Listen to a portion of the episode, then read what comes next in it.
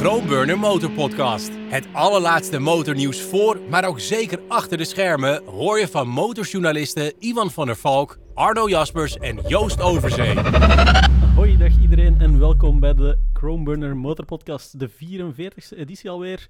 Nog steeds met uw gastheren Joost Overzee voor de complete vijveronderhoud. Iwan van der Valk van nieuwsmotor.nl, dat vandaag op de dag 15 jaar bestaat. Proficiat Iwan. Exact, dankjewel. dankjewel. En ik ben dankjewel. nog steeds Arno Jaspers van Ducati. Vandaag gaan we het hebben over een hele hoop nieuwsonderwerpjes. En gaan we het ook wel een beetje hebben over de winter. Eh, vandaag was een sneeuwdag. Waarschijnlijk is die sneeuw al lang verdwenen tegen het moment dat deze podcast gepubliceerd wordt. Maar ehm, ja, moeten we toch even op ingaan. Maar voordat we daarmee beginnen, hebben we triest nieuws gekregen deze week. Ivan, ik zie jouw t-shirt eh, verwijst er al naar. Nieuws uit de racerij. Ja, Anthony Gobert. An- Anthony Gobert is overleden. En ehm, ik zat er vanmorgen even over na te denken. Ik, bedoel, ik denk dat er weinig fans zijn van motorsport die geen fan zijn van Anthony Gobert. Mhm. Aan de andere kant was, eh, ehm, ja, over de doden niets dan goed, maar Anthony Gobert ook een klootzak van een kerel. Ik bedoel niet om het een of andere man had zo ongelooflijk veel talent, ruw talent wel vooral.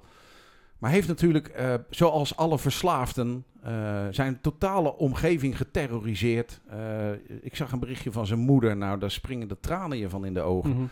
Je zal een zoon hebben die zoveel talent heeft, die zoveel kan en die zo zijn leven naar de kloten helpt en liegt, steelt, bedriegt. Ik heb laatst een interview met hem gezien eh, dat wat opeens Ja, ja, heel ja. vreemd opdook. Eh, da- eh, een dag voordat bekend werd dat hij in eh, palliatieve zorg zat. Mhm. Ehm, met een tatoeage van een pistool onder zijn eh, voor hem linkeroog. Zag er niet uit, was half bezopen volgens mij tijdens dat interview. Het is echt verschrikkelijk geweest voor alle mensen rondom Anthony Gobert. Wat een ongelofelijke ja, man die, die eh, eh, zichzelf niet kon redden. En, Mhm. en eh, dat is heel sneu voor hem geweest. Maar uiteindelijk denk ik dat vooral alle mensen om hem heen alle klappen hebben opgevangen. En elke keer weer geprobeerd hebben in zijn team, zijn monteurs, zijn crewchiefs, zijn, alle mensen die van hem hielden. Geprobeerd hebben hem weer de goede kant op te krijgen. Helaas is dat niet gelukt. Nou, dan kan je mensen die zo'n ziekte als verslaving hebben ook niet altijd even kwalijk nemen.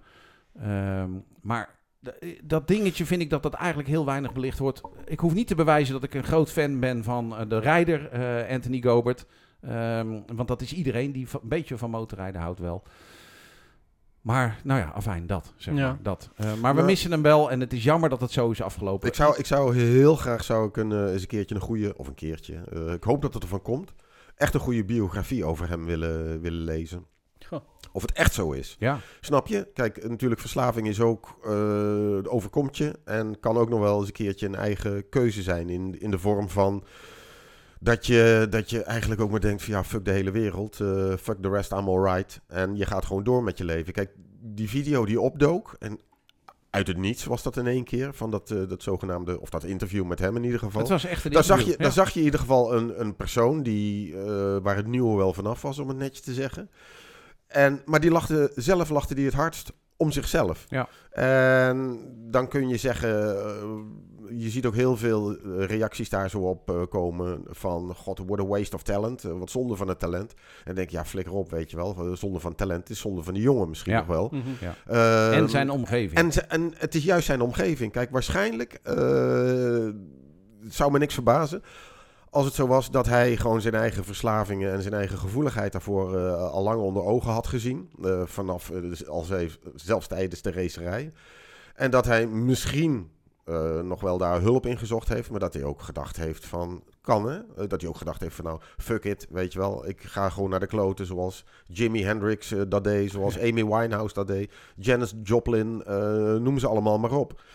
Ja, het Dus- geeft wel aan dat er in die tijd echt dat de racerij nog een stuk meer rock'n'roll was dan Exact nu. dat. Want holy shit. Exact Als je dat. nu kijkt, een jongetje van 19 jaar, die, die, ja, dan, dan spreek je eigenlijk al bijna MotoGP. Dat is, dat is overgang Moto2, MotoGP.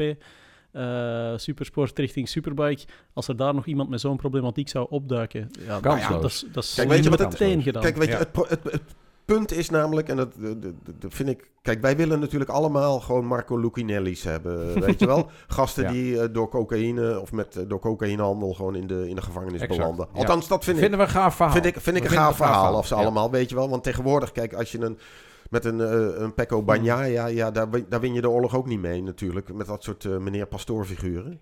Mhm. Ehm, dus, dus een beetje rock and roll een beetje rock'n'roll. Dan zouden wel, ehm, eh, missen we wat mij betreft gewoon eh, heel erg in de Ja, maar tegenwoordige het, kan, het kan gewoon echt niet meer. Want uiteindelijk is het zo dat je nu... eh, om te winnen moet je on top of your game zijn. Je moet dus echt super fit, super sterk. Ondertussen hebben we ook geleerd misschien... dat eh, concentratie heel vaak eh, eh, samenhangt met fysieke gesteldheid. Ja. En in het verleden was dat niet zo. Ging je gewoon hoeren snoeren, taxi rijden. volgende dag Ja. zoog je misschien even wat op door je neusgat... om eh, gewoon weer vol gas erop te kunnen. Ja. Die tijden zijn denk ik gewoon voorbij. Want, eh, Nou, denk ik. Ik denk, ik, ik denk niet eens dat het denk ik is eigenlijk. Kijk, we, we willen natuurlijk, eh, ook aangevuurd natuurlijk door, door Instagram en al die onzin, eh, willen we natuurlijk een soort van perfecte mens eh, creëren. En als er dan eens een keertje iemand is die wel een, kleine, eh, een klein rafelrandje heeft, zoals een, eh, hoe heet het? Eh Ianone bijvoorbeeld. Mhm. Exact, goed voor Klein, Die- klein ja. Nou ja, nee, maar weet je, nee, maar goed, oké, die, die jongen die is er altijd gewoon helemaal zichzelf gebleven. In die zin van dat hij gewoon ook wel een beetje scheid had eh, aan de rest. Maar, ehm, weet je, die, die, die werd betrapt uiteindelijk op gewoon gebruik van marihuana of, eh, we- ik weet niet eens wat het was. Nee, eh, volgens mij Amfetamine? Amfetamine. eh, afslankdingen. Ja, afslankspul. Gewoon zo'n talent. En dat is, Ja. ik zal niet zeggen dat hij het talent had van Gobert, maar in ieder geval wel een ongelooflijk talent. Ja, als je Dus door afslankmiddelen.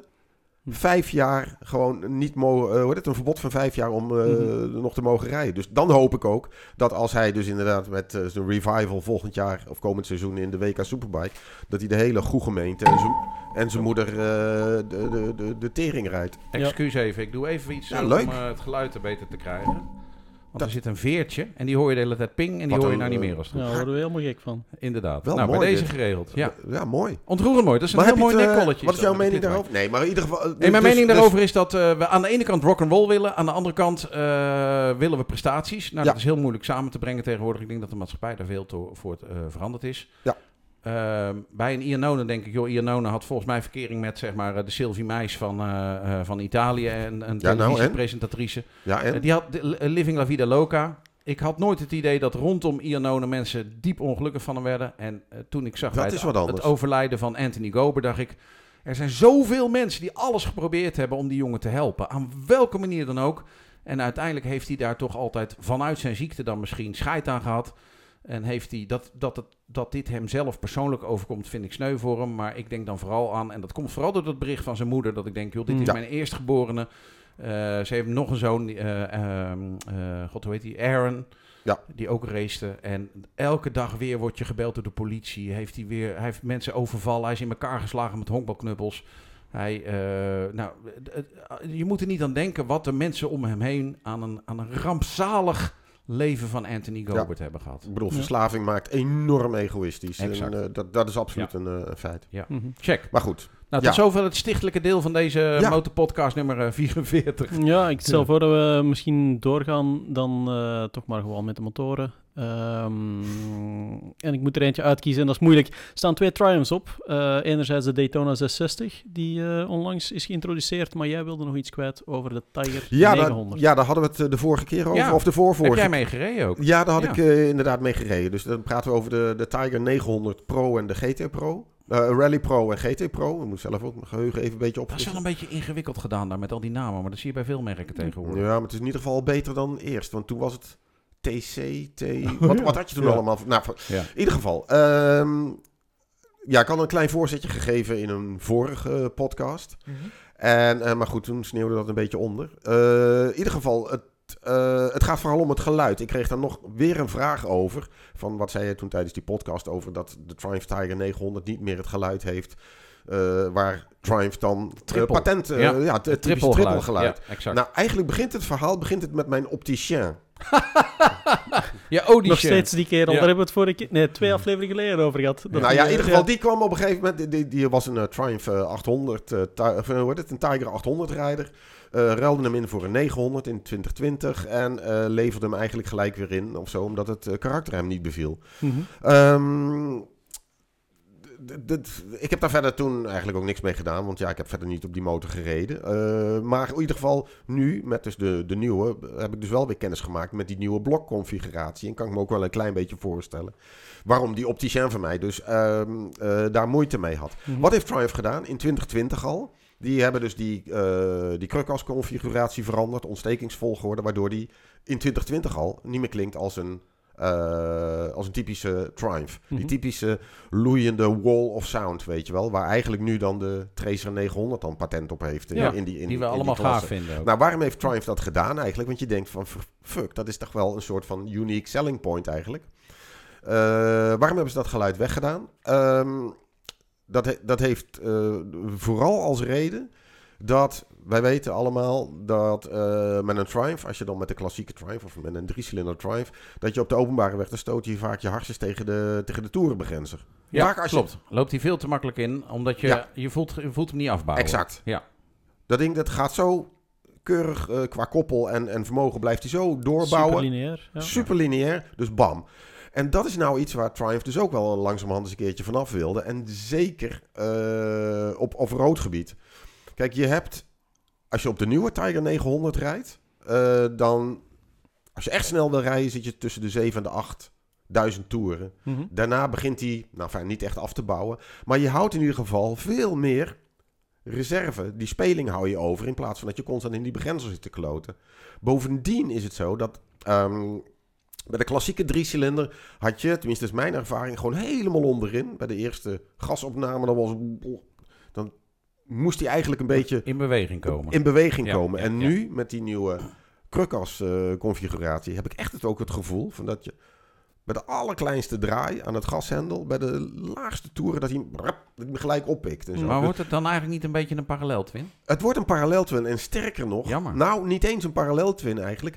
Eh, op een gegeven moment eh, hoorde ik dan die Ivan Cervantes volgas voorbij komen. En zelf zit je ook te denken, kijk jullie hebben dat ook wel eens een keer. Dan stap je op een nieuwe motor en dan denk je, fuck, dat, ik, ik, ken het van een bepaalde motor. En of dat nou het geluid is, Ja, ja, ja. of, de, Ja, of de remmen, exact. hoe ze aanvoelen, of de stabiliteit, of Mhm. een bepaald gedrag. denk je, fuck, waar ligt dat aan? Op een gegeven moment zat ik daar eh, op de openbare weg te rijden en, en, en door te trekken. Ik denk, het doet me ergens aan denken. En ik schoot me te binnen MT-10, Ah, Yamaha. wauw. Dus ook eigenlijk Ja, R1, Ja, Crossplane.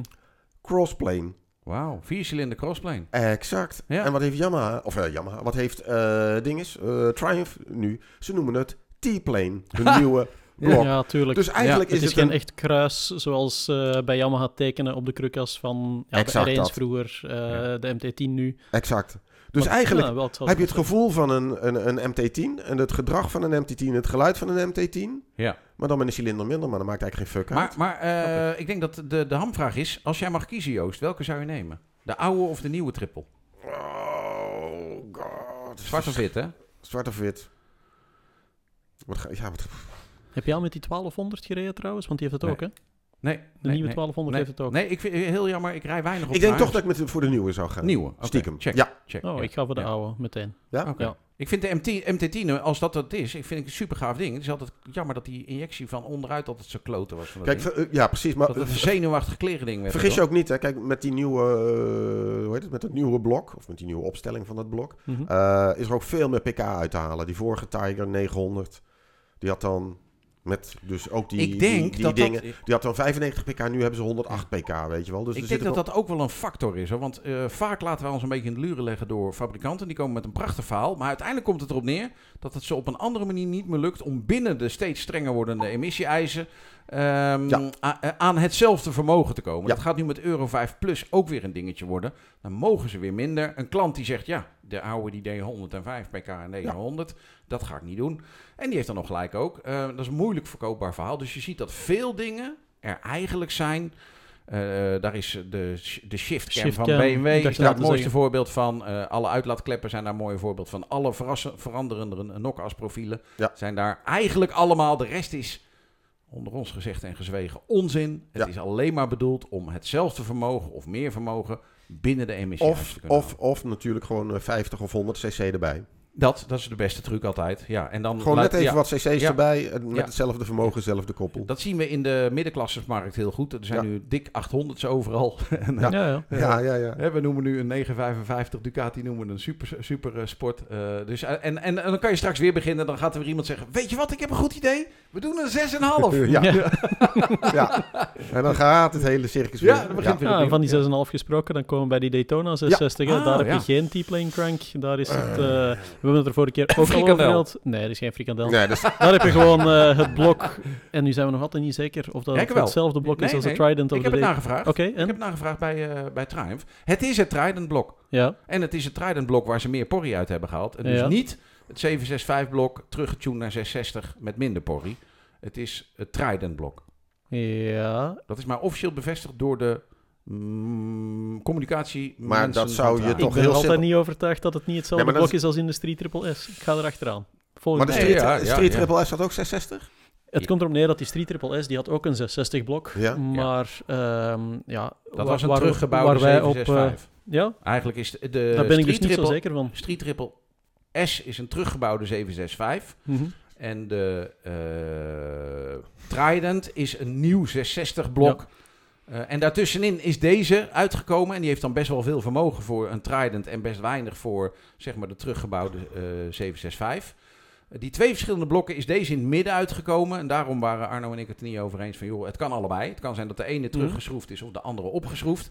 Het officiële antwoord wat ik heb gekregen... waarbij ik duidelijk de vraag gesteld heb... joh, is het de ene of is het de ander? Is, is Ja. de Trident. Het is het Trident motorblok wat opgeschroefd is. En Tegelijkertijd... eigenlijk eh, eh, boeit ik- het niet zoveel, want als, je, eigenlijk- als je de pk-cijfers en de newtonmeters gaat bekijken, is het op 1 pk na exact hetzelfde als de Street Triple S. Maar goed, onder de streep. Ja. Wat, wat vinden we ervan dat een, een, eh, van zo'n een supersport met 95 pk? Ja. Wat vinden we, wat vinden we daarvan? Nou, praten we nog dat- over supersport of praten we over subsport? Andere naam, ik, Subsport vind ik dan wel een aardige. Een andere naam vind ik beter, want uiteindelijk is dat gewoon marketing. Er wordt marketing geroepen dat de R7 een supersport is, dat de GSX 8R een supersport is, dat Ja. deze... Ja, dat is eh, bullshit, hè? dat is allemaal bullshit. Absoluut, Ja. absoluut Dus bullshit. het is geen supersport, het is een... Nou, subsport vind ik wel een aardige naam. Ja, Nee, het, zijn, het zijn gewoon de Super Twins die helemaal de weg kwijt zijn. Eh, ja, Super Twins, dat is ook nog De wel een Super. Twins Ja. die zijn gewoon Super helemaal de weg kwijt. Vroeger, Ja. had je, vroeger had je 650's en daar werd dan ook mee geraced. En die werden dan meestal zwaar getuned tot ze in de buurt van 100 pk zaten. Eigenlijk de plek waar we nu met die, eh, met die ja, Daytona ook zitten. Ja. Maar het verschil is gewoon dat ja, nu moet iedereen zo'n productiefiets hebben. En daar variëren de pk's, daar variëren ja, nu met de Triumph het aantal cilinders. Niemand weet exact wat de limieten zijn van die Super Twin categorie. Dus het idee van een 650 parallel twin is helemaal weg. Ja, Ook al zijn er nog altijd van die motoren zoals dan de R7, die eigenlijk ja, ook een, ooit een 650 was, maar een beetje meer cc's nodig had en dit en dat. Ja, maar ze zijn gewoon de weg kwijt. Het zijn, maar voor mij blijven het Super Twins en die Daytona is ook gewoon Ja. een Super Twin Maar er zijn met geen een cilinder regels te veel. voor, dat is de ellende natuurlijk een beetje. Dus iedereen doet gewoon maar wat. En Mhm. Suzuki denkt dan, weet je wat, we doen gewoon een 800, fuck you allemaal. Mhm. Ja. En daar hebben ze gelijk in. Want dan kun je ook in de winkel zeggen: kijk, deze heeft zoveel pk en die heeft maar zoveel pk. Ja. En qua geld scheelt het niks. En je kan meer voor een 800 vragen dan voor een 600. Terwijl die om te bouwen exact even duur is. Ja, dat scheelt helemaal dat. niks. precies. Dus op een 800 kan je gewoon meer verdienen dan op een 600. Dat is Mhm. natuurlijk ook nog even zo. Ehm, Maar, goed, ehm, het- de- ik- is het niet tragisch dat, eh, dat Triumph dus de nieuwe motor Daytona noemt? ja, dat terwijl vind ik wel een. Dat vind ik Terwijl wel ze, terwijl ja. ze, in, ja. in Ja. mo- ze rijden niet voor, Ja. voor niks in Moto 2 natuurlijk, eh, alleen maar Triumph. Ja, maar is uit- marketeers zijn Ja, aan de macht, joh. Marketeers zijn aan de macht. Nee, oké, maar dan zou je juist verwachten. Nou, dan komt er toch een Moto 2 replica, wordt er toch ook. uitgebracht? Ja, maar uiteindelijk is eh, eh, daar geen 140 handel in. Want daar verkopen je er niks van. En van deze kan je voor heel weinig geld zo'n ding verkopen. En je plakt de naam Daytona erop. Dan trappen er nog wat mensen in die denken... Kijk, dat is een gave supersport. Uiteindelijk is het marketeers aan de macht. En je ziet dat dat op heel veel vlakken gebeurt. Dat er vooral ja, niet meer heel veel historisch besef is. En dat er gewoon gezegd wordt... Joh, die naam hebben we nog liggen. Leuke naam. Ja, die plakken ja, we erop. ja. En dat zie je op, in alle gevallen. Je ziet katana's, eh, je ziet allerlei R7, oude namen. Wat je zegt Ja. van de R7. R7, dat was jezus, helemaal... eh, dat, dat had Er echt, het dieptepunt. dat wat had echt niet gemogen. Nee, Hm. inderdaad. Dus nee, nee, nee, nee, en uiteindelijk, misschien moeten wij als oude lullen daar ook wel gewoon overheen stappen en zeggen, joh, dat is nou eenmaal wat het is. Maar aan de andere kant denk ik, joh, had hem dan R8 genoemd of R12 nee, of ik denk dat je het daar R14. heel mooi, ben- mooi benoemt. Je moet er gewoon overstappen als oude Dat moet, Ja, Want dat als moet. je bij de mensen die effectief zo'n R7 willen kopen spreekt over een R7, dan kan ik je garanderen, daar is er geen enkele wel- bij die nog aan Haga denkt hoor. Nee. die eh, Nee, Nee, die, nee, die denken nee, allemaal nee, aan, eh, aan Quartararo en, eh en Marquez en weet ik veel. Maar ja, dat is, dat is echt eh, volledig eh, voltooid verleden tijd. Ja, ja, nee, dus, daar heb je een punt. Maar uiteindelijk als merk is er wel een reden waarom je dat doet. Als dat helemaal waar was, dan zouden ze hem geen R7 noemen, want dan heeft dat geen meerwaarde. Het heeft wel meerwaarde, Ja. dus daarom doen ze het ook. Dus het is een beetje van allebei, denk ik. Eh, maar uiteindelijk, eh, ja, ik vind het vaak eh, cringe dat je denkt, kom op jongens, echt, gaan jullie hem echt zo noemen? Ja, ja, ja. Maar de Daytona 660, daar heb ik nu niks op tegen. Zolang er ook maar een Daytona 765 Ja, maar komt. die is er niet. Tot die, Nee, die is tijd, niet. tot die tijd heb ik er wel wat op tegen. exact dat. Ja, nee, daar, dat- daar kunnen we Het, op past, het, het past een klein beetje wel bij de, de, bij de tegenwoordige tijd. Dat je het verkoopt als supersport. Eigenlijk voor een, een, een risicoloos bestaan. Ja. Dat zijn typisch motoren waar je geen pijn in je polsen krijgt. Waar je niet al te ve- snel mee in de fout gaat. Ja, waar ik me wel op verheug is Beetje de soft. eerste eh, eh, persconferentie aan het begin van de persintroductie. Die zal zeker er zijn. Ja, gaat daar, eh, Miles Perkins gaat daar staan. eh hè, dat weten we, die, die is er altijd. Die gaat vertellen. Prachtig verhaal, ontroerend mooi over. En ik weet zeker, zijn er nog vragen uit de zaal? Als ze slim zijn, slaan ze dat over. Ja, sla, ja ik hoop het wel. Ja, Ja. dan weet je al wat vraag nummer 1 is. Ja. Waar Ja. blijft de Daytona 765? Exact. Ja. Hey jongens, eh volgende onderwerp is er eentje iets, iets compleet anders. Een, wetsvoor, een wetsvoorstel dat we in Spanje hebben zien, eh, Zie. zien afkomen, maar het past ook wel in eh, de risicoloze maatschappij. Namelijk, eh, Motorland Spanje wil de jethelm afschaffen. Ja, Ja. ehm, eh, ja, nou, wat zij willen. Ik bedoel, dat is wat je veel ziet. En dan eh, eh, eh, moet Ja. het nog veiliger. Het moet altijd maar weer veiliger. En het mooiste is als we straks in zo'n opgeblazen sumo-worstelaar pak Ja, rijden en met een enorme helm. En dan zijn we helemaal veilig. Ja, dat is Ja. kant die we opgaan. net, net nu ze twee jaar geleden in Namibië de helmplicht ingevoerd hebben. Is dat zo? En iedereen, iedereen daar met een, eh, met een bloempot en, eh, en een helm en, en weet ik veel wat op zijn hoofd allemaal aan het rondrijden was. Ja, ja, Kom, ja. Komt Spanje met dit. Ja. Het, het, Ik vind het zo nefast als je naar het zuiden van Italië rijdt. Dan word je raar bekeken als je een helm op hebt op je scooter. ja, En dat is dan Zuid-Italië, wil ik maar zeggen. ik- Dat is toch niet de andere kant van de wereld. en nu gaat ben- Spanje beginnen met, ja, jethelmen, dat is toch wel gevaarlijk. eh. Ik ja, ben-. Ik ben bang dat het weer een typisch geval van politieke wellust is of zo. Van een, nieuw, van een ziet- nieuwe welkom, een nieuwe, van een nieuwkomer. Ja. Die Je ziet de nul verkeersdoden willen we heen. En daar kan niemand Ja. tegen zijn. Ja. Want niemand wil verkeersdoden. Dat is heel makkelijk. Mhm. Alleen het broer is wel dat als je nul verkeersdoden wil, dan heb je nul verkeer. Ja. Zo simpel is het. Eh, als je, dat, en, ja, en de dat is ook is, niet helemaal waar. Dat is ook niet helemaal waar. Als we kijken naar kan Oslo, dat, denk je, nul verkeersdoden? Joh, verkeer? natuurlijk een- kan dat. Dat is al bewezen. In- Waar dan? Ja, Waar? in, in Oslo. In Oslo is er een jaar geweest dat er eh, slechts één verkeersdode is geweest. En dat was een kerel die met zijn auto tegen een vangrail was aangereden. Maar dat is, eh, nu, ja, nu komen we echt weer in de, in de ethische discussies terecht. Hè. Oslo. Maar ja, dus. Godverdomme, Iwan. Nee, het komt erop neer dat je dan altijd bij de vraag komt van moet je investeren in eh, de mensen opvoeden, je, je, verkeersgebruikers. Ja, geen enkele voetganger mag nog door het rood stappen en met de fiets en dit en dat. Of je investeert in infrastructuur. Nu hebben ze in Oslo gezegd van oké, kijk, we gaan 100% voor die infrastructuur. We zorgen ervoor dat het verkeer zoveel mogelijk gescheiden is, dit, dat. Eh, uiteraard ook eh, wordt er gekeken naar... ja, zorgen dat, dat mensen wel gecontroleerd worden, flitsboetes en, en, en dat soort eh, toestanden. Maar daar is er gewoon een jaar geweest dat er nul verkeersdoden waren. Of ja, die ene die Mm. dan eh, die ergens tegenaan gereden was, omdat ze alles hadden ingezet op infrastructuur. Ja. Nu, Ja. ja, Europa wil dan vaak heiliger zijn dan de paus. Daar worden, of ja, de, in de landen onderling blijkbaar ook, om alles te doen richting die, die Go for Zero. Dan worden er in wilde weg eh, wetsvoorstellen gelanceerd. Ja. Eh, in België hebben we de motorkledij die verplicht is geworden. Dat is uiteraard een verhaal. Dat is ja, lobbywerk Ja. eh, geweest tot in het oneindige. Dan hebben we bij ons nu ook de, de motorkeuring. Daar hebben we het vorige keer over gehad. Oké, ja, de markt die klapt een jaar volledig in elkaar. Een keuring waar geen enkele partij tevreden van is geworden, want niemand wilde echt een motorkeuring.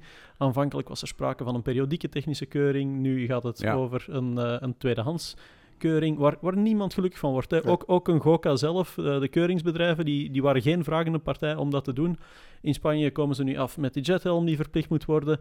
En binnenkort is er wel weer een ander voorstel. Ik geloof dat er ook in de Europese Commissie onlangs een voorstel is geweest om eh, de snelheid aan te passen naar gelang de voertuigcategorieën. Dus dat Ja, eh, motorrijders Oh. met een A1-rijbewijs nog maar 90 per uur maximum zouden Ja, mogen. Met exact. een A2 110. Je, je kan het zo belachelijk. Ik Niet- woon, niet ik woon in, in Amersfoort. Het is een van de steden waar de hele stad op 30 moet. Ja, exact. Ja, Wat een fucking onzin is Ja, dat, ja, Echt vreselijk, Ja, ja, vreselijk. ja, ja, hebben we in België ook hè, veel Ja. zones 30. Dan wordt er onderzoek naar gedaan. Eh 94% van de mensen eh, leeft de zone 30 niet na. Ja, dan kan je Nee. je wel eens de vraag beginnen ik te vind jouw verhaal wel hoe kloppen. effectief is Ja. zo'n zo'n maatregel. Nou, de infrastructuur aanpassen is denk ik dan een goeie. Maar Natuurlijk. los daarvan, Ja, ja, Eh, als je geen Wat- niet harder dan 30 wat is kan de rijden daar, prima. Wat is de achterliggende gedachte om naar nul te willen? Is het eh, Nou ja, eh, nul verkeersdoden is altijd een goed, goed verhaal. Ik Ja, wil voor niemand wie? kwijt. Voor ja, nou ja, ja voor, voor eh, ik, ik, we hadden straks, de mensen om mij heen vinden het, nou, hoop ik, die hebben liever niet dat ik mezelf te Nee, rij op een boom. Nee, oké, ja. maar dat soort dingen, dat, daar houdt Dat- de politiek zich niet mee bezig met eh, Ja. Dat soort vraagstukken. Is het gewoon omdat eh onder druk van de verzekeringsmaatschappijen, de, zorg, de zorgverzekeringen, dat- het, dat het een stuk goedkoper wordt? Kom je, meestal bij Nee, dezelfde, maar kom je meestal bij dezelfde vraag uit, inderdaad, van follow the money. Hè? Er moet Ja. ergens geld aan verbonden zijn, Ja. want anders dan... Ja, is eh, dat het dan? Nee, Dan zeker waar. Eh, dat durf ik niet te zeggen. Dat weet, ik weet het niet. Ik vind, Hebben we, je kan er nooit tegen zijn om, om nul verkeersdoden te hebben. En dat klinkt Nee, altijd maar goed. dat is, en dat, Ja. is juist, dat is juist de adder onder het gras. Er zal dan altijd, dan zie ik dan weer zo'n fris gepoetste korfbaltrainer, zeg maar, die, dan, die, zich dan politic, die zich dan politicus noemt. Die zich, die zich politicus noemt. En die gaat dan zeggen dan altijd voor de tv, als je me kwaad wil krijgen. Die gaat dan altijd zeggen voor de tv, ja, we moeten eh, wel beseffen, elke dode is er één. Ja. Godverdomme, weet Zo. je wel. Dan denk ik echt van, nou, als je me ja. kwaad wil krijgen. Ja. ja, dat lukt goed. Weet je, want dat, Ja. dat, dat is zo. Dat, dat is niet alleen hij die dat weet. Dat, dat, dat, dat- we hebben het over Anthony Gobert gehad. Ja. Zijn hele familie tref je daarmee met eh, dingen. Maar dat heb je met verkeersongelukken ook. Ja, Mhm. nee, zeker. Weet je wel, dus elke dode Ja. is er één. Oké, dat weten we. Maar ja, hoe erg het ook is op, op humaan vlak. Waarom, willen we, waarom moet er zoveel geïnvesteerd worden om naar nul te gaan? Ja. ja, Nou misschien moeten we de ja, campagne aanpassen en gewoon zoiets zeggen van go for ja, twee. tussen de drie en de zeven. Ja, ja, dat is Ja. waar. Maar dat klinkt niet zo goed. Nee. Ja, en er komt nog nog bij, kijk, ze moeten ons wel realiseren. We zijn allemaal motorrijders. Mhm. En motorrijders zijn per definitie allemaal eigenwijze eikels. En waarom? Anders ging je wel in een auto zitten. Zo simpel is het. Want een auto is veiliger, is warmer, je kan bellen, je kan naar de radio luisteren, allerlei andere gezeik.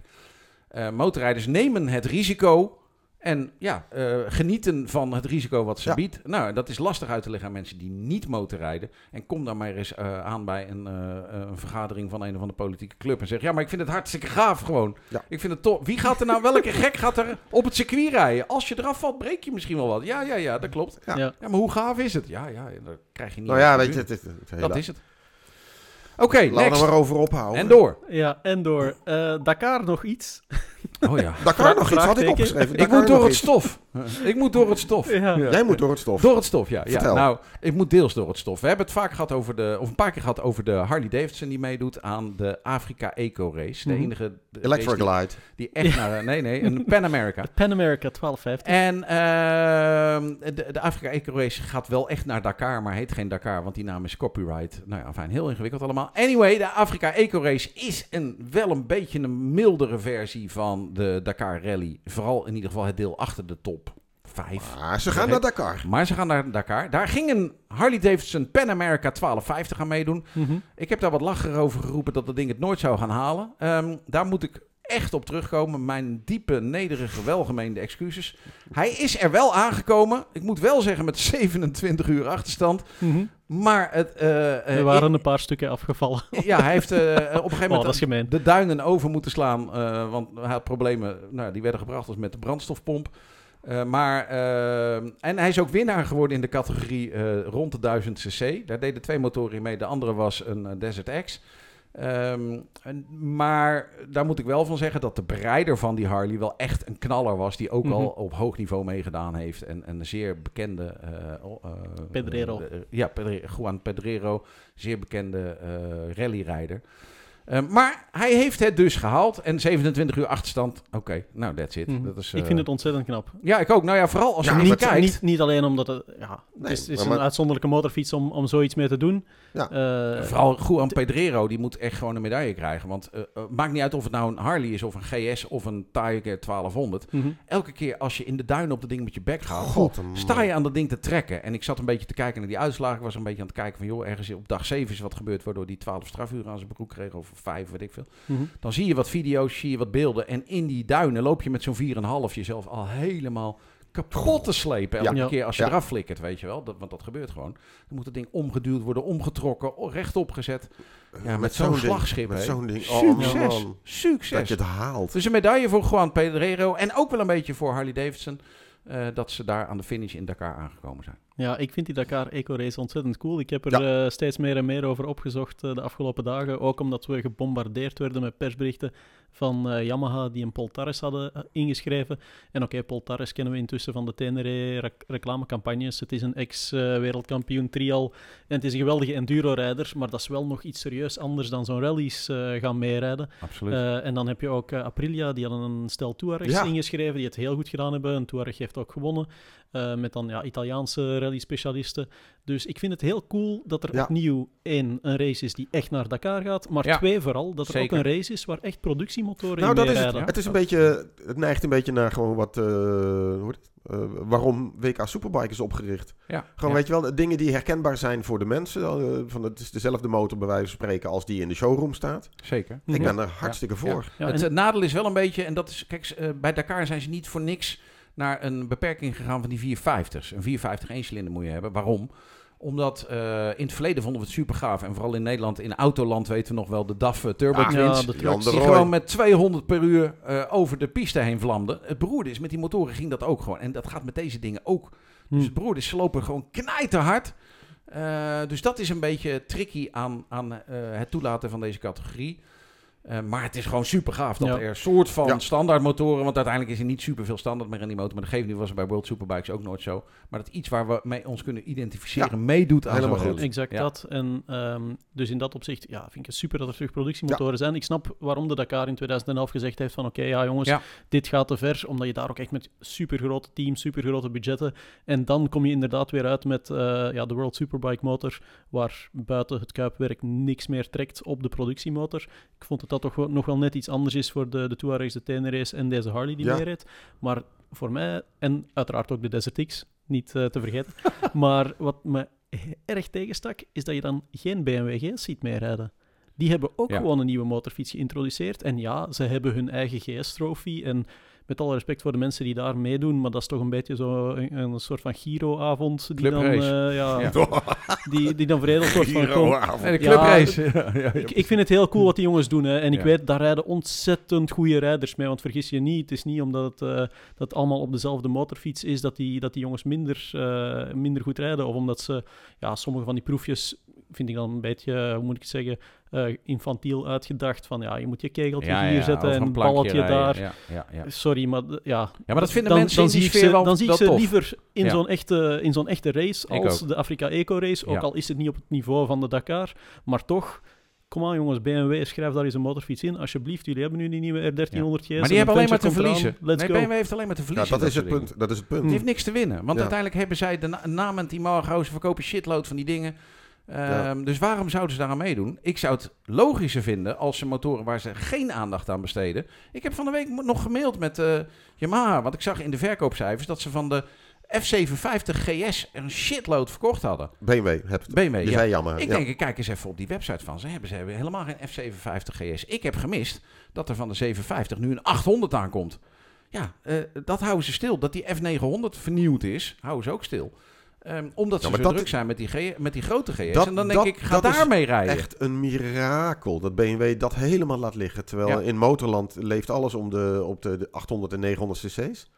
Behalve bij BMW. Behalve bij BMW. Ja, klopt. En, en uiteindelijk legt dat ze geen windeieren, want het gaat hartstikke goed. Wat kan je ervan zeggen? Ja. Maar ik zou zo'n race dan inschrijven.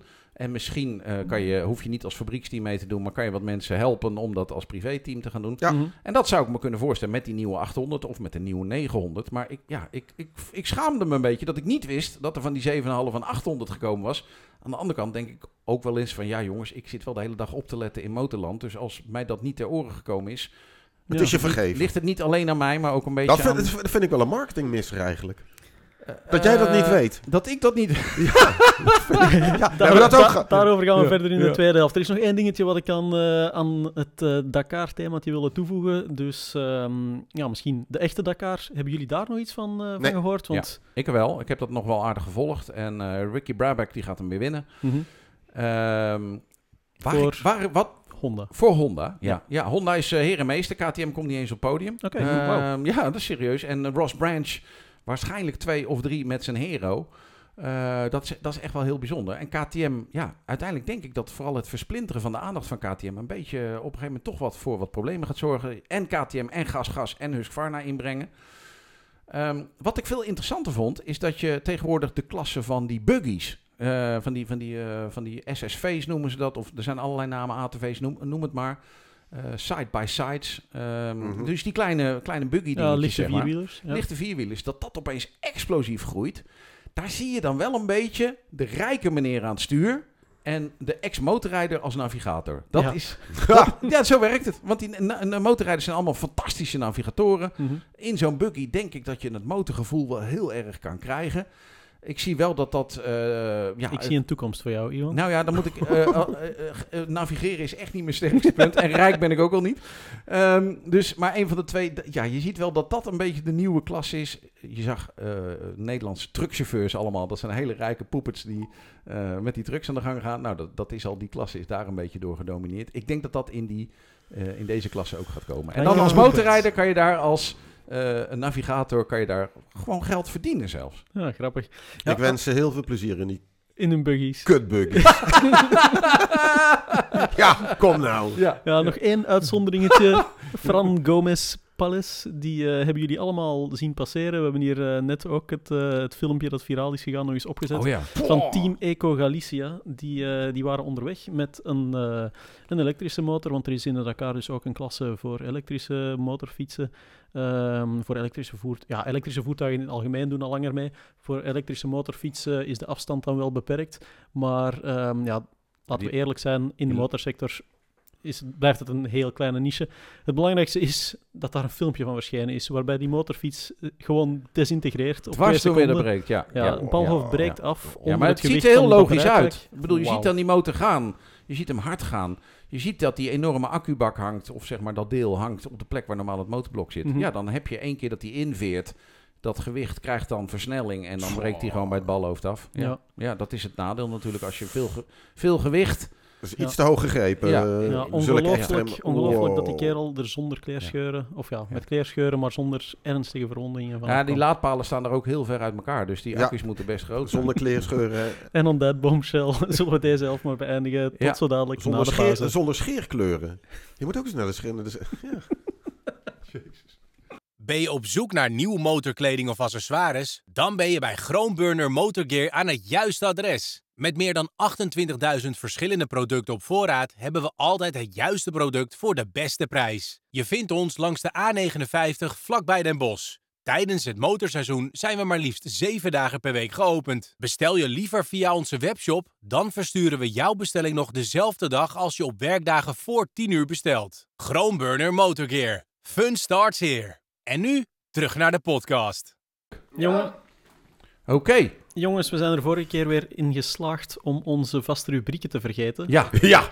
Dat doen we goed. Hoe is het Eigenlijk Dus, is eh, dat jouw schuld. Want jij bent hier een beetje de master of ceremony, ceremony altijd de MC. Aan de andere kant ben- zijn de ben- rubrieken van Jozef. Dus ja, ja, ja. Het is eh, een beetje Joost's brievenbusje. ja, eh, Ja, dat. ja. Ja, Nou, dan heb ik gelijk nieuws. Oh, Daar kan ik gelijk op inhaken. Joost's brievenbusje is niks binnengekomen. Ja, maar dat is dus daardoor. Wat is Dus er nou voor flauwekul? ik zou doen, doe een emotionele oproep. Een emotionele oproep. Motorpodcast Ad. at nieuwsmotor.nl ja, En Fantastisch. schrijf ons. Nee, we, we hebben, er is wel wat binnengekomen. In ieder geval de, de, de winnaars van de motor... Nee, ook. Maar de, de, de winnaars van de, de, de motor van het jaarverkiezing... die hebben hun handschoenen gekregen. En eh, Ah, die zijn heel oh ja. erg blij. Ja. En, eh, Moeten we vooral Roy Beumer van Duel Ja. even bedanken. Ik denk dat het van het merk Halverson eh, handschoenen zijn geworden. Ik denk het ook, inderdaad. Dus, Dat zijn hartstikke... Ik heb hier nog een setje liggen. Hebben we laatst al nou, die had je al laatst... Heb ik aange- Dus koopt allen Halverson handschoenen of motorkleding. Eh, de Halversons motorpodcast begint er langzaam te worden. Godverdomme. Domme. ja, ja. Nou ja, in ieder geval, eh, dus dat is eh, geregeld in ieder geval. Dus Ja, de, de brievenbus. Dus stuur alsjeblieft post naar Joost's brievenbus. Ja. Ehm, Begin elke bericht Ja. altijd met Lieve Joost. Ja, dat, lieve Joost. Ja. Lieve Iwan, jij had nog nieuws over eh, de motor van het jaarverkiezing. Jij bent de Ja. beker gaan overhandigen. Ja, was ook over... Is dat rare nieuws? Kunnen we dat als rare nieuws doen? Nee. Oh ja, ja, doe maar. Joh, Ja, doe maar gewoon als rare Raar nieuws. Ja, Ja. oké. Rare nieuws. Ja. Reno, Reno. Rare Rare nieuws. Raar nieuws. Raar nieuws. Raar nieuws. Ehm, het rare was namelijk dat ik in eh, Hoofddorp was. Bij Kawasaki Motor Europe eh, afdeling Nederland, Benelux. Kijk. En eh, En daar zouden we eigenlijk met z'n tweeën zijn. Maar één persoon, ik zal geen namen noemen, die zei op het allerlaatste moment, twee minuten voordat we zouden beginnen, zei die af. Ik zal nooit de namen noemen, maar begin met een J en het eindigt op Oost-Overzee. Maar uiteindelijk eh, heb ik daar eh, namens jullie eh, die prijs overhandigd. Wat een gigantische beker. Misschien dat het eh Reno lukt om eh, in de podcast op YouTube daar even een plaatje van te plaatsen. Want we hebben daar wat lollige foto's van gemaakt. Die in eh, ontvangst genomen is door Frank Zoontjes en Henk Salomons. Ehm, en die waren zichtbaar blij met de verkiezing. En eh, eh, tot de eh, Groenburner Motor Podcast Motor van het jaar 2023. Zo. De Kawasaki Fantastisch. ZX4RR. En als je nog even terug wil horen hoe dat in zijn gang eh, gezet is, dan luister even de special terug. Juist. Eh, ik had verder nog raar nieuws, namelijk in België kregen we eh, het trieste bericht dat het motocrossterrein in Lille gesloten is. Lil. En eh, ja, Lille, Lille dat is in eh Lille. Lille Kleine, Lille dat ligt in de, ja. in de Kempen in Antwerpen. Ja. Nee, maar het is wel, eh, ja, het is echt gewoon eh, heiligdom binnen, binnen de crosswereld. Eh, Ja. Die nu verdwijnt omwille van ja, het aloude probleem van eh, geluid. Geluidsnormen, dat is nog altijd hot topic. En dan heb je eigenlijk maar één klager nodig, zo blijkt, die samenspant met Natuurpunt om zo'n crossterrein te laten afsluiten. Ja. De geschiedenis die we in België hebben met motocross, dan moet ik Hmm. eh, in deze podcast hopelijk niet meer uitleggen. Wereldkampioenen zat. En we zijn op, ja, eh, wat is het, minder dan 30 jaar tijd gegaan van over de 100 crossterreinen naar ja, nu Lommel dat nog overschiet. Nou, en Lommel was laatst ook bijna gesloten. Ja, en maar het is, ja. het is schering en inslag dat klagers zo'n crossterreinen gesloten krijgen. Want ook in Olme, dat is dan vorig jaar eh, moeten sluiten, daar eh, worden steeds wel de omgevingsvergunningen opnieuw toegekend. Nu in Lille ook. De burgemeester en gemeentebestuur valt niets te verwijten. Die hebben ook al aangegeven van kijk, dit crossterrein zit er al eh, ja, meer dan 50 jaar. Ehm, het is een deel van de gemeenschap daar. Het hoort er gewoon bij. Maar omwille van ja, Natuurpunt, de Raad van ehm, Betwistingen voor zo'n omgevingsvergunning, die achten die klachten dan eh, ontvankelijk. En dan wordt er gewoon geen vergunning meer gegeven, want dan moeten ze voldoen aan ja, geluidsnormen die, die compleet van de pot gerukt Mhm. zijn. Eh, gewoon verkeer maakt meer geluid dan dan zou toegelaten zijn omwille van de nabijheid van natuurgebied. En ga ze maar voort. is in Nederland eh, een beetje ook aan de hand. Ja. Maar ik, laat ik dan één voor, het, nou, voor, voor deze keer een pluim in de kont steken van de KNMV en de MON, de motocrossbonden hier in Nederland. Mhm. Die hebben dat vreselijk slecht gecommuniceerd, hebben daar ruzie over gemaakt, hebben mensen laten betalen. Dat is allemaal één groot bloedbad geweest. Mhm. Maar uiteindelijk wat ze wel gelukt is, dat ze op tijd de motocrossclubs ervan overtuigd hebben. Jongens, je hebt een vergunning nodig. Want jarenlang was dat alleen maar gedogen. Crossterreinen hadden Oh. nooit een vergunning, die werden gedoogd, die lag er al. Dus wat, eh, dat is goed zo. En de KNV heeft uiteindelijk het ingezien, en dat hebben ze de clubs ook laten inzien, voordat echt het bloedbad zoals dat in België aangericht is, doorgekomen is. Mhm. Je hebt een omgevingsvergunning nodig, linksom of rechtsom, maakt niet uit. Mhm. Er staat meestal dan maar acht uurtjes cross in. En dat is dan eh, woensdagmiddag en eh, zaterdagmiddag of zo, weet ik veel. Dan is het al... eh. Maar uiteindelijk is dat redelijk goed gelukt. Hebben nogal wat clubs in Nederland eh, een vergunning. En als je maar eenmaal een vergunning hebt, want het broed is, daar heb jij gelijk in. Als je nu een nieuwe vergunning aan moet vragen, dan ben je kansloos. Hm. Gewoon volledig kansloos. En ik maakte me in Berg- België ook echt zorgen, om Lommel. Want Lommel is veel meer dan alleen maar een crossbaan. Ja, tuurlijk. Alle teams van Europa, van de MXGP, zitten allemaal in Lommel. Alle rijders wonen daar. Elke dag kan je daar namelijk rijden. Mhm. Ja, en dan heb je de klagers natuurlijk gauw in je nek zitten. Maar het Ja. eh, een, een, eh, een politiek bestuurster bij jullie, eh, die heeft dat tegengehouden. Ja, het eh, komt erop neer. Zuhal de Mier van NVA. Ja, zij die. is eh, verantwoordelijk voor eh, omgeving. En ehm, zij ziet natuurlijk ook wel dat er een, eh, een wijde achterban is bij die crossterreinen. Dat het gewoon al jarenlang zo is dat we een geschiedenis hebben. Dat het echt, ja, bijna... Dat is gewoon cultureel erfgoed. Eh, zij is dus ook voorstander. Ze heeft ervoor gezorgd dat verschillende omgevingsvergunningen wel al goedgekeurd werden. In dit geval was zij ook voorstander. Eh, zij heeft die omgevingsvergunning goedgekeurd. Maar nu blijkt dus dat je via de Raad van Betwistingen dan toch nog ehm, dat natuurpunt alsnog een gelijk kan halen. Oh. En het grappige is dan ook dat er eh, in de berichtgeving gesproken wordt over een lokale afdeling van Natuurpunt, waarmee eh, de voorzitter van eh, de motocrossvereniging in, in, in overleg gaat. Die hebben het beste voor met elkaar en die geloven ook wel dat ze er gaan uitkomen, dat gewoon ja, echt de puntjes op de i gezet Mm. moeten worden Ja. wat betreft de vergunningen. En ja, dat is ook begrijpelijk. Maar ehm, het zou dan gaan inderdaad om de, de grotere afdeling Natuurpunt die, eh, die daar niet uh, om te vinden is. Plus blijkbaar ook nog klagers, uh, waarvan één klager nu dan al gezegd had van ja, maar zo had ik het ook helemaal niet bedoeld. Dus, dus die trekt zich dan terug Ja, en ja, ja. ga zo maar door. Ja. Het is echt heel raar. Ik hoop vooral dat er toch nog overleg kan plaatsvinden en dat ze er toch nog uitkomen, want het is een stukje erfgoed dat we echt verloren zien gaan. Bij ons is uh, Natuurpunt, uh, daar heb je soortgelijke clubs, Milieudefensie, weet ik wat.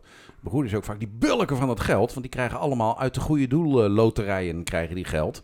Uh, dus die kopen ook gewoon hele stukken land aan. Bijvoorbeeld hier in de buurt heb je de vliegbasis Soesterberg. Die is Ja. volledig gekocht door uh, het Utrecht Landschap volgens mij. Nee joh. En die sluiten hem dan gewoon ook volledig af. Er Nee, komt joh. geen hond meer op. Ja. Uh, alleen één fietspaadje eroverheen. En daar ligt dus een volledige Nee, kilometer lange uh, startbaan ligt Mhm. daar nog steeds. Nou, daar, uh, daar mag helemaal niets gebeuren. Maar is, in het geval van Lommel is het zo dat uh, die hele kwestie is dan, dan te wijten aan een gebrek aan tolerantie tegenwoordig? Of Hmm. zijn er woonwijken bijgekomen? Net als bijvoorbeeld Baggelhuizen in, uh, in Assen. Of... Dat is een goede vraag. In het Allebei. geval van Lommel denk ik inderdaad dat het over meerdere factoren gaan die, die er meespelen. Maar dat is, dat is altijd zo natuurlijk. hè. Mhm. In Lille zie je dat ook. Uh, inderdaad, dus daar ligt een natuurgebied vlakbij. Daar zijn wel huizen die ook in de buurt komen. Maar ja, om dan alle, alle regeltjes echt situatie per situatie Maar te mensen gaan zijn ook wakker geworden. Dat is, dat is heel moeilijk. Ja, mensen die in de buurt wonen, die hebben Ja. doorgekregen. Dat zo'n beetje hoeveel dingen werken. Er zijn in de afgelopen jaren best wel veel dingen besloten of vastgelegd in, in verdragen. En daar hebben mensen dan van, ja, het zal wel. Maar dan wordt er Mhm. iemand wakker. En meestal zijn dat Exact gepensioneerde advocaten die de hele dag niks te doen hebben. Die gaan zich wat vervelen, die gaan zich daar een beetje in verdiepen. En die komen erachter, hé, hey, maar dat mag helemaal niet, jongen. Dus wat gaan ze dan doen? Daar heb je eh, in Nederland ook best wel voorbeelden van ex-Grand Prix banen waar gewoon niks meer mag gebeuren. Maar ook met de huizenbouw, weet je. Als jij een protest indient, of tenminste Ja. als jij je verzamelt, of uh, hoe het, um, met een club mensen uh, protest officieel aandient, dan kan je de Ja. huizenbouw ook zo'n zo Ja. beetje Ja. platleggen. Ja. In het En, die clubs hebben tijd en geld dus van de goede doelenloterijen. En Hm. tijd om te blijven, blijven, blijven, blijven pushen. En in bezwaar gaan, nog een bezwaar, nog een bezwaar. En vaak hebben ze dan juridisch gewoon ergens een eh, gelijk te Ja, halen. in het geval van Lille zijn er alvast eh 4000 handtekeningen verzameld. Dat was in een wip en een knip gedaan. Dus er Ja. is echt een enorme... tegen de crossbaan Een enorme, nee, nee, nee. Ehm, tegen eh, de betwisting. Dus eh, voor het voortbestaan van de cross, voor alle duidelijkheid. Dus eh, ja, het is duidelijk dat er echt een, een heel wijde achterban is Ja. om dat crossterrein te ondersteunen. Ja. En, eh, daar, maar ik denk dat dat niet gaat helpen. Want Daaraan trek kan- ik me dan toch ja. op en hoop ik gewoon van harte dat ze, dat ze eruit komen. Ja, ja, nou dat hoop ik ook. Maar ik, ik maak me, uiteindelijk is het zo dat de regels de regels zijn. Eh, je ziet overal dat dat soort eh, clubs dat die gewoon meer macht krijgen. Mhm. Eh, die hebben de tijd, die hebben de, de wind mee qua regelgeving vooral. En je ziet dat heel veel van dat soort dingen, dat hele stikstofverhaal hier in Ja, Nederland, precies dat. is omdat ergens een milieuclub ontdekt heeft. Hé, hey, maar we hebben ooit een of ander verdrag getekend, jongens. Mhm. dat, en dat is hier ook. Hmm. Ja, maar die crossmotoren maken zoveel herrie. Ja, daar staat hier in de wet dat dat niet mag. Nou, stikstof, dat is eigenlijk helemaal een Ja. non- non-issue geworden. Maar goed. Ja, afijn. Oké, next. We hadden nog één raar nieuwtje, jongens. De BMW R1250S, dus het oude Ja. model, daar is nog een Ultimate Edition van uitgekomen. Ja, ja, die is niet zo duur hoor. Eh, dat is de Adventure. En het rare daaraan... Kijk eens, uiteindelijk zijn er best veel mensen die denken... joh, die 1300, dat hoeft van mij niet. Eh, die 1300 is een totaal andere motor. Wat heel knap is, eh, technisch onderhuids. Omdat die qua rijden niet eens zoveel verschilt. Dat is echt knap gedaan door BMW. Ehm, en er zullen best veel mensen zeggen... joh, ik koop gewoon nog die 1250 voor weinig. Ehm, en dat snap ik supergoed. Voor weinig. Alleen eh, die eh, Ultimate Edition, daar hebben ze ook alles aangehangen. eh, want ze moet, die magazijnen moeten ook leeg natuurlijk. Ja, Dus ja, ze moeten van de Ja. stukken ook af. Dat ding kost in Nederland, schrik niet, 33.000 euro. Jezus 33.000 voor een Ultimate, dus de allerlaatste 1250 koop Is hij, al, is hij al uitverkocht? Waarschijnlijk wel. Ja, waarschijnlijk wel, ja. Want volgend jaar komt daar de R1300 GS. Dus Dan moet je wel is- de kofferset er nog bij kopen. ja. Waarschijnlijk wel. Dat zou me niet verbazen. Want daar kwam ik laatst, toen ik die, die 1300 eh, testte, kwam ik achter. Dat ding was ook gewoon de aller, aller, allerduurste. Die kostte ongeveer dat bedrag ook. Ja. En dan was de kofferset nog 1000 euro erbij. Wauw. Ja, ja, ja. Precies. Nou, dat. Dus, Alright. eh, ja, tot zover de Ultimate Edition van de GS. Ehm, ik zag nog een berichtje. Eigenlijk is het een op- opeenvolging van, van raar nieuws, deze tweede helft van de podcast. Ehm, het, gaat, het leuk. gaat over eh TomTom. Ja. Eh, TomTom, jullie al bekend, de, Ja. de GPS-producent, die heeft aangegeven dat ze in de VS en Canada gaan stoppen met de verkoop van fysieke toestellen. Oh, En ze vragen hun gebruikers om allemaal over te schakelen naar de TomTom Go-app voor Ja. smartphone. tuurlijk. En ja, daarmee weet je eigenlijk al wat aan de oorzaak ligt Ja, van, eh, begin van die het fysieke- Ja. Begin van het begin eind. van het eind. Ja. En ik kan erin komen. Hè. Voor eh, automobilisten is het natuurlijk Mm. zo dat je net zo gemakkelijk eh, je smartphone tegen Ja. eh, je vooruit hangt. Maar als motorrijder, Ja. ik Nee, vind zo'n GPS-toestel best handig. Ik zeker. En eh, sterker nog, ehm, uiteindelijk zeg maar, het, wat ik altijd leuk vind, ik gebruik best wel vaak kronkelroutes. Want ik heb een tyfushekel aan avondenlang achter de computer zitten om een route uit te zetten. Mhm. Echt vreselijk. En dat, Ehm, dat is echt typisch voor TomTom toch ook, hè? die kronkelroutes? Die kronkel, nee, eh, Garmin heeft het ook wel daarna. Maar ehm, uiteindelijk, volgens mij is TomTom er wel mee begonnen. Het grappige is ook dat je in dat land ziet dat Garmin lang de baas was. Ja. Die moest je hebben. En Ja. eh, Mhm. dat is eh, volledig omgeslagen naar TomTom. Dus TomTom heeft dat goed voor elkaar. Maar die kronkelroutes, dat is natuurlijk... Je verzint een navigator over het algemeen... omdat je zo snel mogelijk van A naar B wil. Ja. Dus het is volledig tegen natuurlijk aan al die nerds die daar in de kelder zitten bij TomTom. Daar moeten een paar hele leuke gasten bij lopen die echt leuke dingen maken. Die zeggen, joh, we gaan nou een route maken, die gaat niet snel, maar die is leuk man, er zit een leuke bocht in. Ehm, ik gebruik die heel vaak. Het enige nadeel is dat je heel vaak in industrieterreinen zit te kloten. Oh ja. Dat is Hmm. echt Maar vreselijk. dat hoeft mij maar één keer te Ja. overkomen. En dan, ja, eh, dan dat gaat is echt, eh, want dat ziet hij ook als kronkels of zo. Dat, dat is echt het grote nadeel. Daar zou wel een oplossing voor mogen komen. Maar zonder die kastjes, ik zou zeggen, als je er eentje hebt, verkoop hem nooit meer. Want ik gebruik ook best wel zo'n oude, weet je, die hele nieuwe, dat, hoeft- dat die dan eh, nog maar een halve centimeter dik is. Ja, dat zal mij een boe- eh, Ja. Maar ik, eh, ik ga dat ding nooit meer verkopen. Heb jij überhaupt een eh, GPS, Nee. Joost? Nee, nee, Nee. dacht ik wel. Leg ik heb dat wel eens een, uit. eh, ik En heb dat is, een dat is niet omdat je ietsje ouder bent, maar dat is Nee, gewoon ik omdat ja, wel ik ken een, jouw stijl van motorrijden en daar kan ik eh, me geen GPS bij voorstellen. een uitgelezen keur aan landkaarten. Ja, dat, ook nee, dat is ook waar. Nee, nee, nee, ook niet hoor. Maar eh, Hij heeft nog een bakkelieten tom-tom. ik, ik, loop nog al, ik loop nog altijd te kloten met mijn telefoon. Stoppen, kijken hoe... de- Ja, dat heb ik ook echt, wel. echt, Ja. echt. Ja. Ja, ik ben vaak gewoon te lui, weet je wel. Dan moet ik eerst dat ding weer mont. Ik heb vaak wisselende motoren, dus dan moet ik eerst weer zo'n dat balletje erop Ja, bouwen. ja, dat, dat is echt een journalistenprobleem natuurlijk. Precies, precies. Maar ja, eh, ja, als ik dan ja. kijk naar mijn eigen motorfiets, ik heb al veel plezier gehad van een GPS. Ja. Ik heb ook heel lang gewoon nog eh oldschool gereden met dan eh, eerst op Google Maps even de afritten gaan opzoeken. Eh, gewoon even met duct tape een eh, papiertje Ja. in, in zo'n plastic ding, mapje op Zo de doe ik tank. het ook vaak. ja. Ja, Op ja, de tank plakken. ja. Als Dat- ik vaak lange ook. afstanden moet, dan schrijf ik gewoon tien stadsnamen onder elkaar. En die Dat. plak ik op mijn tank. Ja. Eh, maar die, Ja. die, eh, die kronkelroutes, ik moet heel eerlijk bekennen, ik, we hebben ook een oud, eh, eh, oud autootje, zeg maar, waar we in Engeland wel eens mee gaan rijden. Nou, dan Oh ja. kom je op plekken waar je nooit komt. Eh, prachtige wegen. Het enige echte nadeel zijn die industrieterreinen. Dat, Ja. dat, eh, dat, dat, is heel raar. Elke keer zit je weer in een van die industrieterreinen te harken. En in Hm. Duitsland is het vaak ook vreselijk alleen maar industrieterreinen. Ik moet zeggen dat voor mij die TomTom gebruikte ik vaak inderdaad, zoals je zegt, voor van A naar B te rijden. Omdat het gewoon ja, echt ontzettend praktisch is. Ja. Maar dat is er bij mij volledig uitgegaan, ook door de smartphone. En ja, ja. smartphone qua, qua waterdichtheid is dat voornamelijk een, eh, Mhm. beetje een rotzooi op de motorfiets. Maar dat is er bij mij uitgegaan. Ik gebruik daarvoor enkel nog Waze. Omdat Waze, die, eh, die app, die Waze? past zich Ja. veel sneller dan de Dat andere is een apps beetje aan. een Belgisch dingetje volgens mij. En in Nederland gebruiken mensen het ook wel. Maar ik Oh, Waze, dat is eh, W-A-Z-E? Ja, Ja. W- WAZE. Ja, dat vind ik ja. een, eh, een briljante app, omdat, ehm, ja, kijk, het is heel eenvoudig. Van zodra de GPS tegen mij zegt van je bent er over 15 minuten, ja, dan, dan wordt de uitdaging van er om 14 minuten te geraken. Dus bij Waze ben ik er nog nooit in geslaagd. Tenzij dat het echt ging om binnenwegen die enkel motorrijders kunnen nemen. Want die app is natuurlijk ontwikkeld voor automobilisten. Maar bij Waze ben ik er nog nooit in geslaagd om echt sneller te zijn dan die app. Dus die is echt briljant in het uitdokteren van... Oké, er is daar nu een ongeval gebeurd. Dat zien we aan onze, aan onze user Maar dan moet je ook weten, dit is Arno En dan- Jaspers. dan stuurt die hij rijdt als een, meteen eh, als een malle. Ja. Die rijdt, Ja, die rijdt- die rijdt ja. als een maloot en die Ja. houdt geen rekening met verkeersregels. Nee, dat is niet waar. Maar eh, bij Waze is het echt zo. Ze zijn heel snel in het, eh, het aanpassen van routes. En zelfs, wat ik ook heel leuk vind, is dat ehm, voor vaste routes, en dan bedoel ik echt trajecten die je knal van buiten kent, eh, van eh, bij je thuis naar de bakker, van bij Ja. je thuis naar het zwembad, van weet ik veel, dat je daar dan toch eens Waze op zet. Ja, en dat je vaak gaat zien dat je op plekken komt waar je nog niet bent geweest. Ja. En dat die sneller zijn dan de route die je misschien al 100 jaar gebruikt.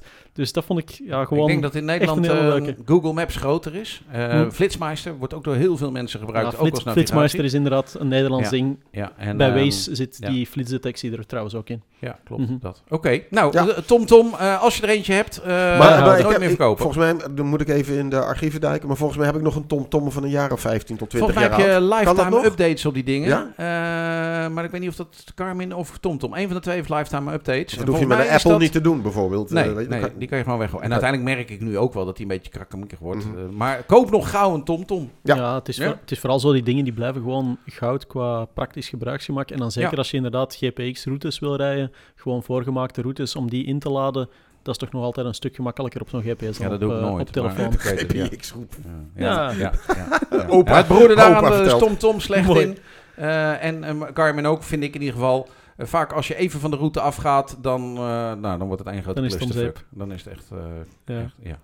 Ja, en nogthans kregen we van de week het bericht dat het kabinet motorrijden moet stimuleren. Oh ja. Ja, de, de RAI eh, heeft zich daar eh, meerdere malen druk om gemaakt om dat te promoten. En dan moet ik wel zeggen, dat hebben ze eh, ook een beetje opgetuigd. En bij motorrijders houden ze dat zoveel mogelijk onder de radar. Daar, het woord elektrisch wordt daar veel in gebruikt, Ja. richting de politiek natuurlijk. Nou, Daar, daarna ja. weet je meteen dat Ja. het iets is wat is aangegeven door mensen die niet met de motor rijden. Nee, maar uiteindelijk denk ik dat het ook de RAI is die zegt van... joh, wij willen het motorrijden promoten. En dat doen we dan een beetje door het woord elektrisch erin te Ik proppen. Dat de zag- haters eh, allemaal de kleren kunnen Ik, krijgen. ik, ik zag in ieder geval ook nog eh, de 125cc in het Ja. persbericht voorbij Ja, komen. ja, Dus het is niet alleen maar Ja, elektrisch. als dat dat, zou lukken, 125 cc's op een Hm. Autorijbewijs, op wat voor manier dan ook, eh, zonder examen. En ik denk dat dat niet gaat lukken. Nee. Maar het zou mooi zijn als het wel lukte. eh, dat 125's eh, makkelijker te bereiden gaan zijn. Dan is het al, wat mij betreft, volledig geslaagd. En Ja. de RAI is... Kijk, ik, al- veel motorrijders in Nederland denken dat de RAI onze vrienden motorrijders zijn. En dat is, zijn ze aan de ene kant wel. Aan de andere kant zijn ze dat niet. Want de RAI zijn gewoon de fabrikanten, de Ja, handel, de industrie. De mensen die motoren wat aan jou willen VBAC in België verkopen. is. Ja, dat. Ja. En, Ja. en dan denken wij allemaal, oh, dat zijn, we zijn allemaal vrienden. Dat zijn we vaak ook wel. Maar soms ook niet. Zijn het gewoon mensen die zoveel mogelijk van die dingen weg willen zetten. Handel. Follow the money. Follow the money. Nou, dat, dat, is ook, eh, dat is ook helemaal niet erg. Dat is prima. Alleen soms vertroebelt dat beeld wel eens een beetje. En, eh, nou ja, dan Ik moet je eerlijk zeggen, toen ik het bericht las, toen eh, dacht ik weer van nou... Of tenminste, toen ik het binnen zag komen, dacht ik ook... Oké, het is weer bijna Motorbeurs Utrecht. Mm.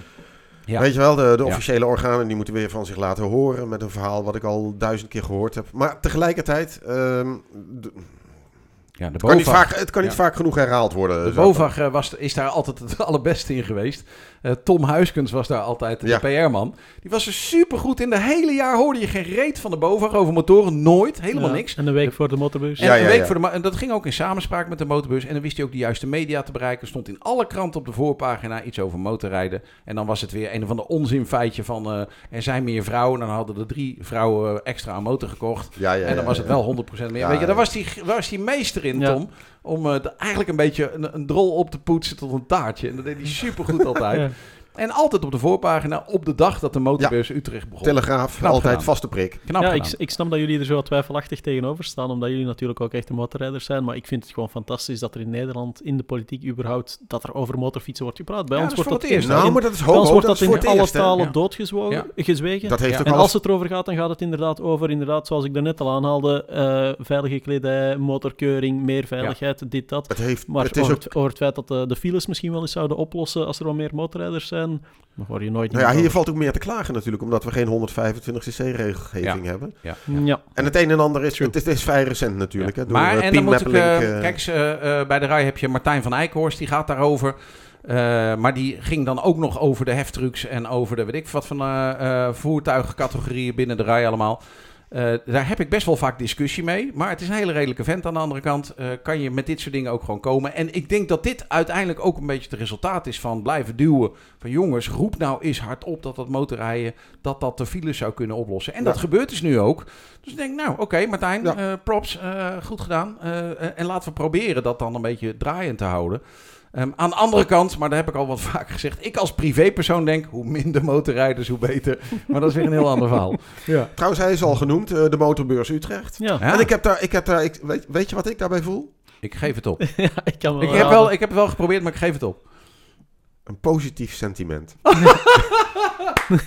Dat, dat, Nee, ik dat zag was het- een persbericht. ik- dat ik weet er was een persbericht, Ja. eh, kwam eraan en zo. Ja. Een positief sentiment over de Motorbeurs Utrecht. Mm, ja, ja, ja. Nou, eh, dat is deels ook wel een beetje waar. Kijk, er is natuurlijk na Motorbus Utrecht 2023 ongelooflijk gekankerd. Dat en kan je wel zeggen. ook. Dat kan je wel zeggen. Over eh, prijzen dat een broodje Benam 9 euro kostte, dat parkeren geld kostte, dat er geen reet te beleven was, dat er merken er niet waren. Ja.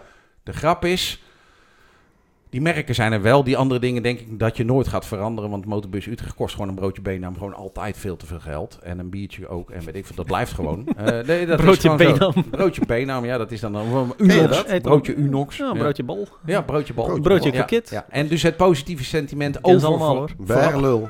Ber- Bergelul. Bergelul. Een berenlul. Bergelul. Jos Brinkie. Bergelul. nee, maar ehm. Ja, dus, ehm, eh, dus dat, dat, dat, eh, dat positieve sentiment is er deels ook wel doordat de merken er gaan staan. Nou, daar ben ik, eh, ik denk dat dat best wel goed nieuws is. Ja. Eh, aan de andere kant hoop ik vooral dat het de organisatie lukt om ook eens gewoon qua activiteit niet weer een stuntrijder op het binnenterrein en eh bla bla bla en Maar de klaar. vraag is, wat zou, wat, wat zou je doen? Oh, ik weet het wel. Ik, eh, in Engeland hebben ze namelijk eh, eh, verschillende. Ja, dat sowieso is altijd goed. Nee, dat is, dat is sowieso. Meer vrouwelijke ja. motorrijdsters. Ja, Ja, ja, ja, ja, iedereen ja, weer ja, over de rooien. ja. Allemaal in Nee, ze doen eh, bijvoorbeeld in Engeland doen ze gewoon zo nu en dan sluiten ze of een paar keer per dag sluiten ze de hal af. Hebben ze in het midden van de hal gewoon een drekstrip liggen. En daar rijden dan bekende Britten tegen elkaar. Drekrace gewoon. Ja, dat kan natuurlijk nooit. Maar het, Nou, ze, doen het Het gewoon. In moet, Engeland gezegd, het. het. moet Ja. gezegd worden, de, de grootste stunt van de afgelopen vele, vele jaren bij de motorbeurs Utrecht. Is dat die- was dan, we hebben het dan toch weer Kawasaki hebben we even genoemd. Die de H2R die dan eh, op, de, op de powerbank. Ik heb dat filmpje nog. Eh, die staat op de Oliepeil YouTube-account. Als je dat opzoekt, niet normaal. Er staan gewoon duizenden mensen naar een motor op de Ja. vermogensbank te Ja. kijken. En dat was Henk Salomons, zijn naam is al eerder gevallen, die er gewoon scheid aan had. Die dat ding op de bank knoopte en enorme herrie liet maken. Mensen vraten het, vonden het Ja. Prachtig. niet te Maar in Utrecht heb je altijd weer, ja, de brandweer zegt dat het niet Ja, mag. ik dacht net te zeggen, komen we godverdomme weer bij die risicoloze maatschappij waar Ja, we tegenaan dat- lopen. Want dat. ik weet, maar dat is bij het Salon van Brussel was het eh, net hetzelfde probleem. Daar heb ik dan eh, in het verleden een paar keer gestaan. En ehm, ja, dat is heel eenvoudig. Als een motorfiets daar wil staan, dan mag er geen benzine in zitten. Oh, Eh, ja. Hij mag niet starten, Ja, batterij ja. liefst eruit, et cetera, et cetera, et cetera.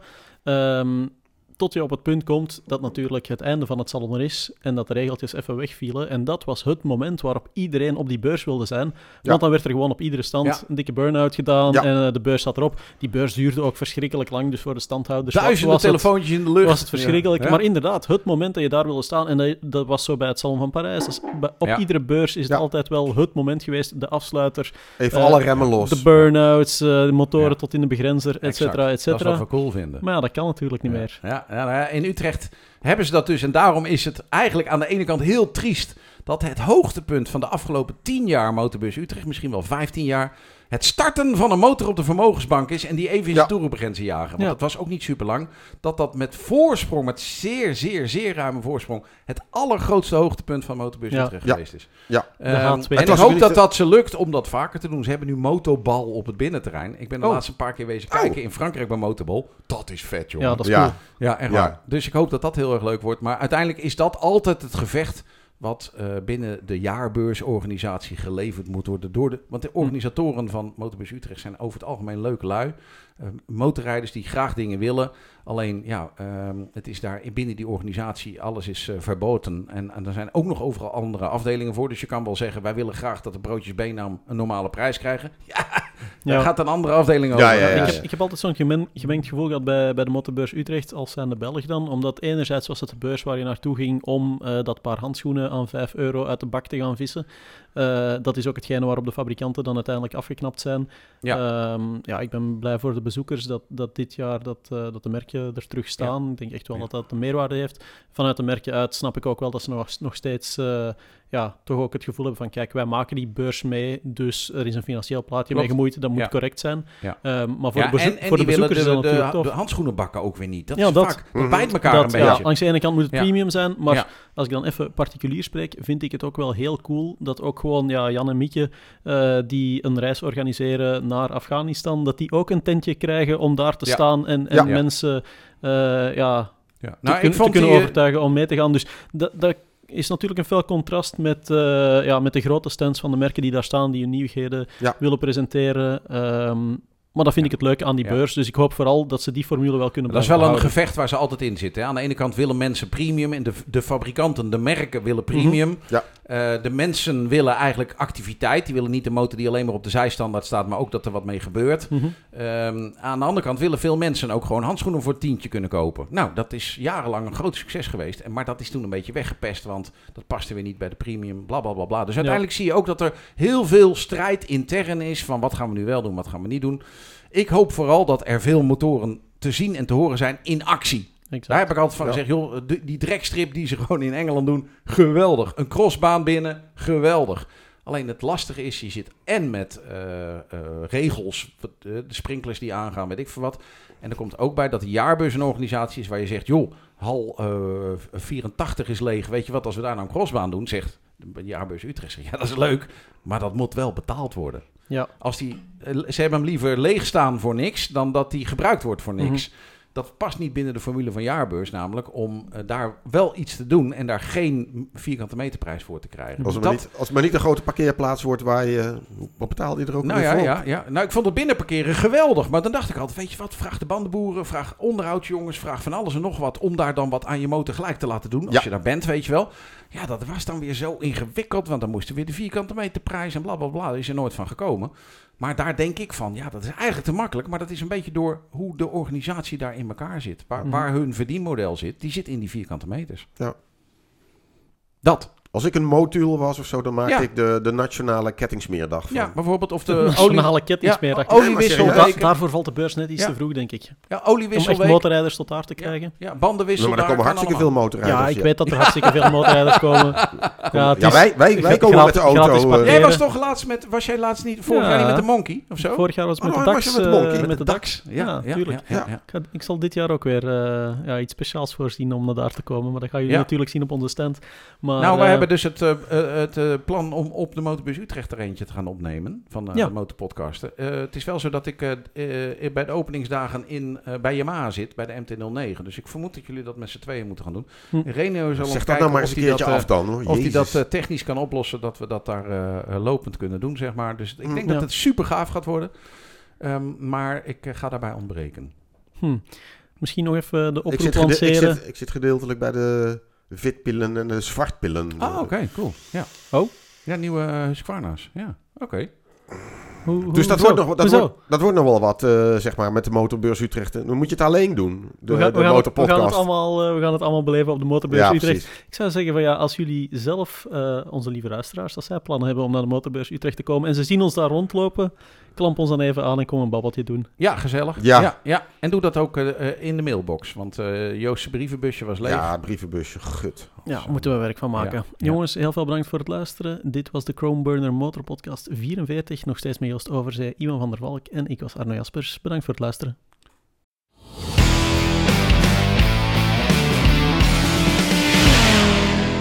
Leuk dat je luisterde naar de Groenburner Motorpodcast. We starten alvast de motoren om aan de slag te gaan voor de volgende aflevering. Die hoor je over twee weken. Tot dan!